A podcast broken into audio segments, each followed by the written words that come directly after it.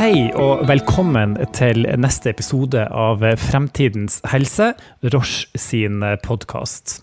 I dag har jeg vært så heldig å få med meg en annen nordlending, Bård Ludvig Thorheim. Eh, han er seniorrådgiver ved Nord universitet. Eh, han er tidligere leder av eh, Utenriksdepartementet sitt operative senter, og dermed også ansvarlig for krisehåndtering. Og han er ikke minst tidligere politisk rådgiver for både utenriksminister Brende og Søreide. Velkommen til podkasten, Bård. Tusen takk, Hans Christian. Du Bård, du har i din karriere så langt, eh, både i Utenriksdepartementet og som del av regjeringa, vært med på å håndtere eh, opptil flere betydelige kriser. Du savner ikke det å liksom være på innsida nå da, eh, av det politiske Norge, når vi står overfor en ny og kanskje det er faktisk den største krisa liksom, i etterkrigstida? Hvis vi går tilbake litt over en måned til midten av mars, eh, da det virkelig eh, denne smitten bare eksploderte, og med så mye usikker informasjon og et tidspress på eh, Erna Solberg og det mannskapet, og både på de faglige og politiske, som jeg sier at det kribla i meg akkurat da til å få lov å være med og bidra, men samtidig en lettelse over å, over å slippe å, å ta en del av det tunge ansvaret som de hadde for det er jo i den fasen av krisehåndteringa hvor alt er usikkert, hvor tidspresset er stort. Det er da det er veldig vanskelig å håndtere kriser og vite om, man, om det man gjør er riktig, rett og slett. Så eh, Nå er, er, vi i en annen fase, men fortsatt krig, veldig mange vanskelige veivalg. Men eh, det er jo der, eh, i den første biten, at det virkelig er, er krevende. Og sånn sett også en, en lettelse å, å, å ikke, ikke være med på det. Men jeg tror nå begynner vi også å se mer mot den utgangen av eh, koronakrisen. Vi begynner å se fremover mot det. Og Der er det jo perfekt å være på Nordområdesenteret og Nord universitet, for eh, jeg tror mye kommer til å handle om å få i gang arbeid og, verdiskapning. Og der er det eh, som kjent i Nord-Norge og i nord at potensialet er størst. Så det er veldig inspirerende å få jobbe med det akkurat nå. Men det, som du nevnte, liksom, eh, eh, det er mye stress og det er mange vektige valg som skal tas eh, i begynnelsen av ei krise når den skal håndteres. Det er ikke en helt liten porsjon adrenalin involvert der, eller? Det er det absolutt. Jeg tror alle som har vært i en sånn situasjon, føler, føler at man blir veldig skjerpa. Så det er jo adrenalin på en positiv måte. Og det som er bra med det, er at du, du slipper alt mulig annet du har holdt på med, og kan uh, slippe det og bare fokusere all konsentrasjon og innsats uh, på den, uh, det problemet, som også rett objektivt er det aller viktigste å, å, jobbe med. Og jeg tror det får ut egentlig det, det beste i, i, de fleste. da. Hvorfor er egentlig krise så viktig i det å drive fram endring, både i samfunn, i, i, i politiske system? Jo, vi kan nesten ikke uh, fatte hvor mye det har å si, egentlig. For det er så fort vi kommer inn i en tralt i nå-situasjonen i den offentlige diskusjonen til vanlig. Og det som denne krisa, som mange kriser kommer til å gjøre, tror jeg, det er at uh, vi kommer for det første til å fokusere mer på det som er aller viktigst av statens oppgaver, som er å sikre arbeid og velferd i et litt lengre perspektiv, og sikkerhet, beredskap. Det er sånn kjerneoppgaven til staten. og vi kommer nok til å sette enda mer pris på, på den delen av, eh, av, eh, statens oppgaver. Eh, og jeg tror det gir oss også mulighet til å gjøre ting som vi ikke har, vi ikke har tenkt før at, at, kunne vært gjort. At vi nå vil tilpasse oss den enorme teknologiutviklinga. Bruke mer av de ressursene som vi ikke har brukt hittil, for å få i gang flere lønnsomme jobber, mer inntekter til statskassen, så at neste generasjoner kan ha det nivået av velferd som, som vi har i dag. Koronakrisa har også på mange måter utløst en eh, debatt om uh, alenegang versus samarbeid, fremfor alt på den internasjonale arenaen. Hva tenker du om, om det? Det spørsmålet er jeg veldig engasjert i. For jeg syns den, den, diskusjonen er veldig bra å ha. Altså, I hvor stor grad skal Norge inngå i internasjonalt samarbeid. Hvor mye skal vi forplikte oss? Men vi må også ikke ta det premisset som kommer fra enkelte, og si at det her handler om å prioritere nasjonale interesser. For det er ikke sånn at hvis du ikke er internasjonalt orientert, hvis du bare fokuserer på Norge og at alt skal gjøres i Norge, at du da prioriterer norske interesser mer. Jeg mener det er en feil oppsetning av et dilemma. Fordi at vi, vi er jo med i internasjonalt samarbeid fordi at det tjener våre interesser. Og la meg gi et par eksempler. for det er snakk om eh, sant, Også her med suverenitet, suverenitetsavståelse. Den største suverenitetsavståelsen vi gjør internasjonalt, det er jo Nato-medlemskapet vårt. Vi sier, altså Det er jo helt radikalt, men vi sier at selv om Norge ikke truer, hvis Portugal invaderes, så skal vi sende våre gutter og jenter og kjempe med deres liv for deres frihet. Det er selvfølgelig fordi at det er i vår interesse at de gjør det samme hvis det er oss det gjelder. Og eh, Et annet eksempel eh, det, Jeg tror det er viktig å tenke over Det er også det her med FN. da. Eh, Norge gikk, igjen, gikk, sammen med andre land som også har samme interesser som oss, og fikk på plass det her med havretten, kontinentalsokkelkommisjonen og 200 nautiske mil økonomisk sone. Og det her er jo selve rammevilkåret for våre to viktigste næringer, våre to viktigste inntektskilder, olje og gass og sjømatnæringa. Så der la jo vi rammevilkåret gjennom internasjonalt samarbeid.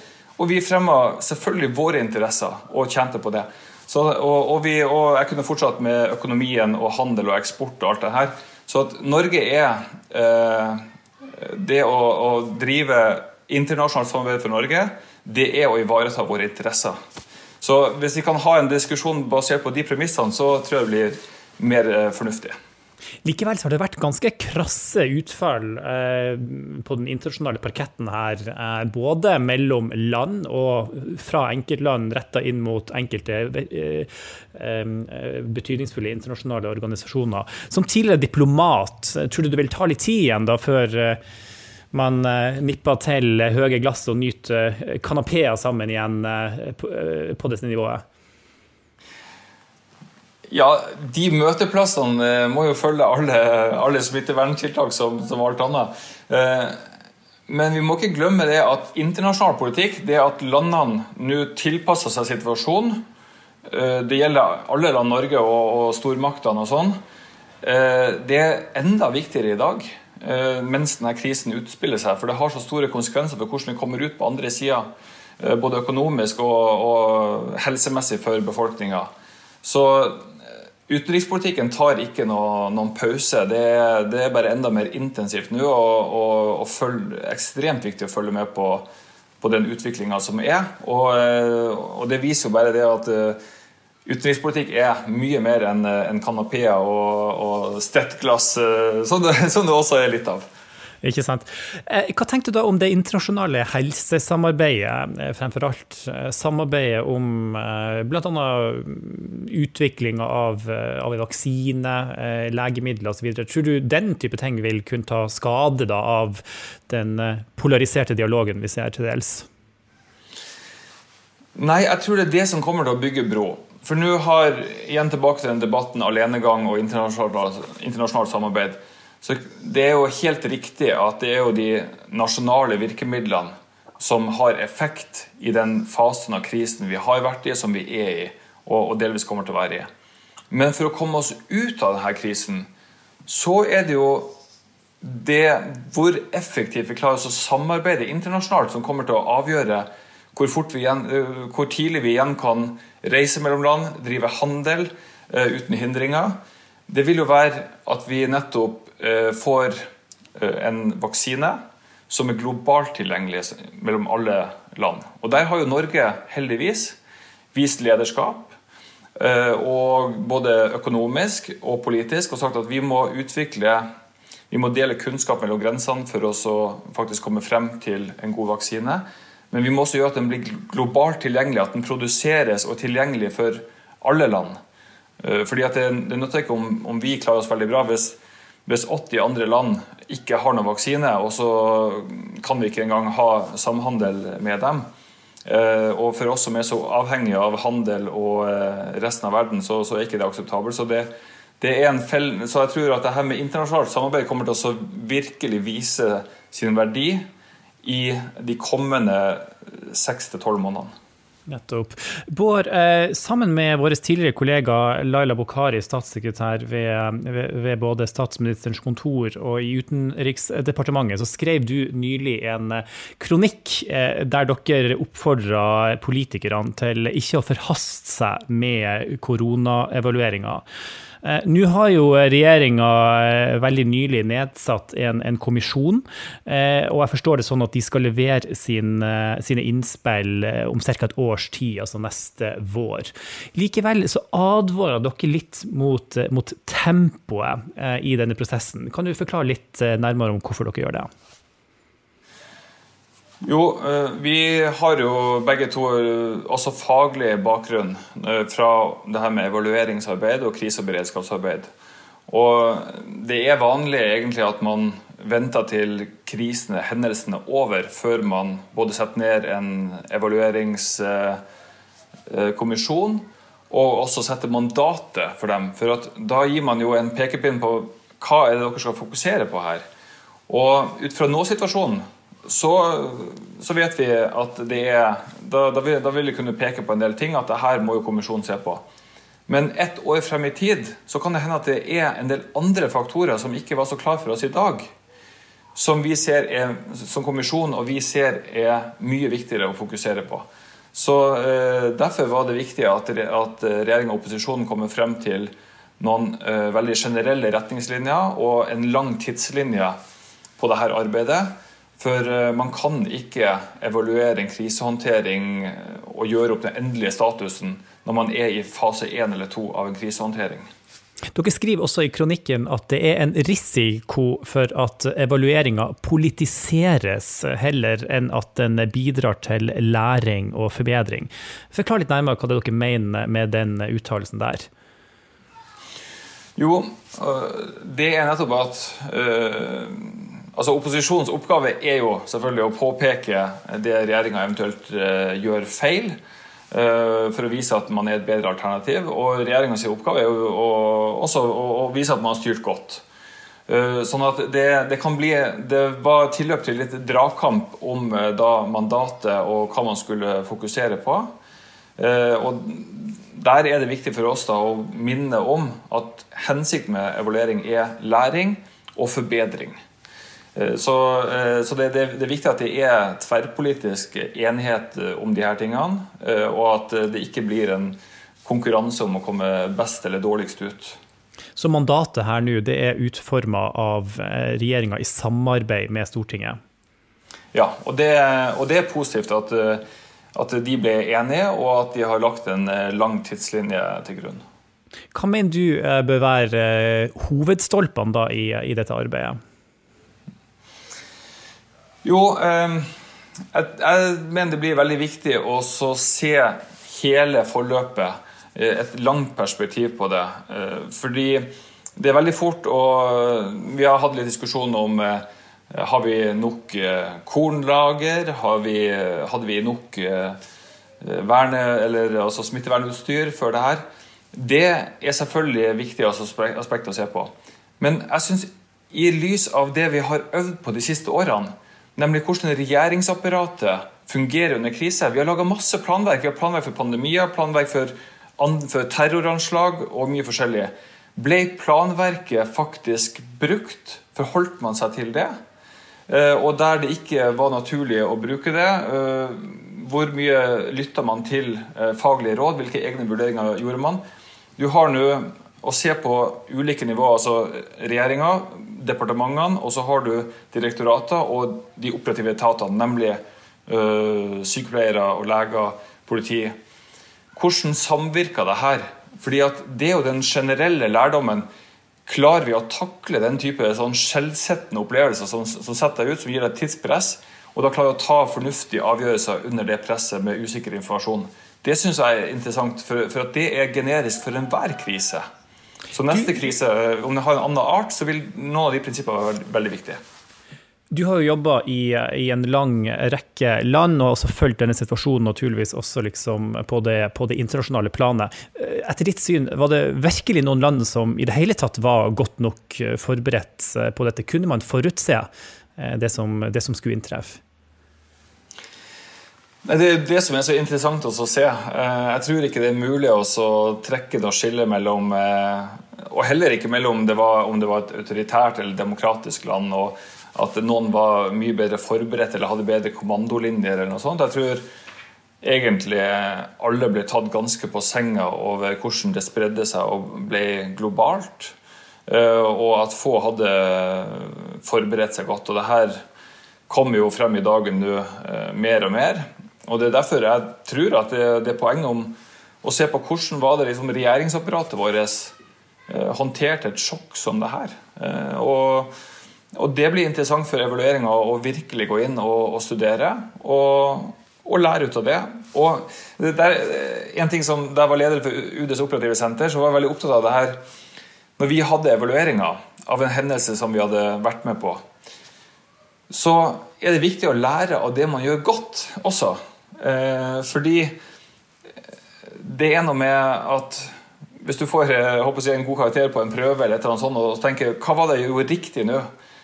Kan jeg forsterke det og gjøre enda mer av det som faktisk fungerte? Eh, det er også viktig lærdom. Så skal man selvfølgelig også ta lærdom av det som ikke gikk bra. Det vil det alltids være. Eh, og se hvordan kan vi gjøre det bedre neste gang. Men, men det å faktisk bygge videre på det systemet man har, forbedre og forsterke det, det har jeg veldig tro på i, i krise- og beredskapstenkning. Det er et veldig godt poeng, Bård. Kan, I den sammenheng kan du peke på noen ting som du syns har gått eh, rimelig bra da, i den norske håndteringa? Ja, for meg eh, så virker det som eh, ja, det, det, det, jeg, jeg, tror det blir interessant å se på de dagene før 12. mars, hva som utspilte eh, seg, der, eh, seg, der, Men man hadde tydeligvis en, en, en veldig grundig og god prosess i regjeringsapparatet med både mellom politisk nivå og de som eh, er fagekspertisen. Og der tror jeg det må ha vært en, en svært god meningsutveksling. Og også den, det samarbeidet med Stortinget og opposisjon eh, tror jeg er noe som kommer til å trekkes virkelig frem her. Og jeg tenker på en sånn ting som denne såkalte koronaloven, eller krisefullmakten. Eh, der viste det seg at denne krisen gikk over så mange forskjellige sektorer at det var ikke nok å bare bruke de fullmaktene som ligger i smittevernloven og beredskapsloven. Du trengte noe enda bredere. Og da fikk, da fikk, man altså en sånn ekstra fullmakt av Stortinget på rekordkort tid. Og det sier noe om tillit og gode politiske prosesser i dette landet som jeg tror vi skal være virkelig stolte av, og som jeg ikke vet om så mange andre hadde klart. Og eh, så, så jeg, tror det er et sånt, eh, et sånt punkt som, eh, som, vil komme frem. Og så vil det være fortsatt oppe til vurdering hvordan vi kommer ut rent økonomisk. Det er jo, det er jo der vi står nå, og, og, må planlegge for veien ut av korona. Hvis vi kikker litt, litt fremover, tror du at helsepolitikk i økende grad også kommer til å bli sikkerhetspolitikk fremover? Ja, jeg tror det. Eh, men i, til en viss grad. Til en viss grad. Eh, jeg tror at man kommer til å se på nå en del eh, livsnødvendige medisiner. Skal man ha lagerbeholdninger, eller skal man ha evne til å produsere det nasjonalt eller mellom allierte land, f.eks.? Og hvilke virkestoffer trenger du til en del medisiner? Hvor produseres de? Hvilken tilgang har man til det? Da vet vi også at Kina og India er, store på, en del av de stoffene som skal til. Så jeg tror vi får en debatt om det. Men jeg tror fortsatt vi kommer til å ha eh, en stor eh, privat sektor innenfor eh, biotek, helse, eh, helseteknologi. Og eh, det, tror jeg, det mener jeg er positivt. Men jeg tror det kommer til å være som i en del andre bransjer som ses på som strategiske for staten, at staten kommer til å ha et tettere samarbeid, bedre beredskapsplaner med de bedriftene som driver med det. Staten kan i sannhet ikke løse alle oppgaver alene. Tusen takk til deg, Bård Ludvig Thorheim, for at du deltok i podkasten Fremtidens helse i dag. Og til alle dere som lytter på, hjertelig takk for følget. I neste episode av Fremtidens helse skal vi snakke med Andreas Stensvold, kreftspesialist og overlege og sjef ved kreftavdelinga på Sykehuset Østfold. Han skal gi oss et lite innblikk i hvordan hverdagen har vært som lege under den største helsekrisa Norge har møtt. Takk for i dag.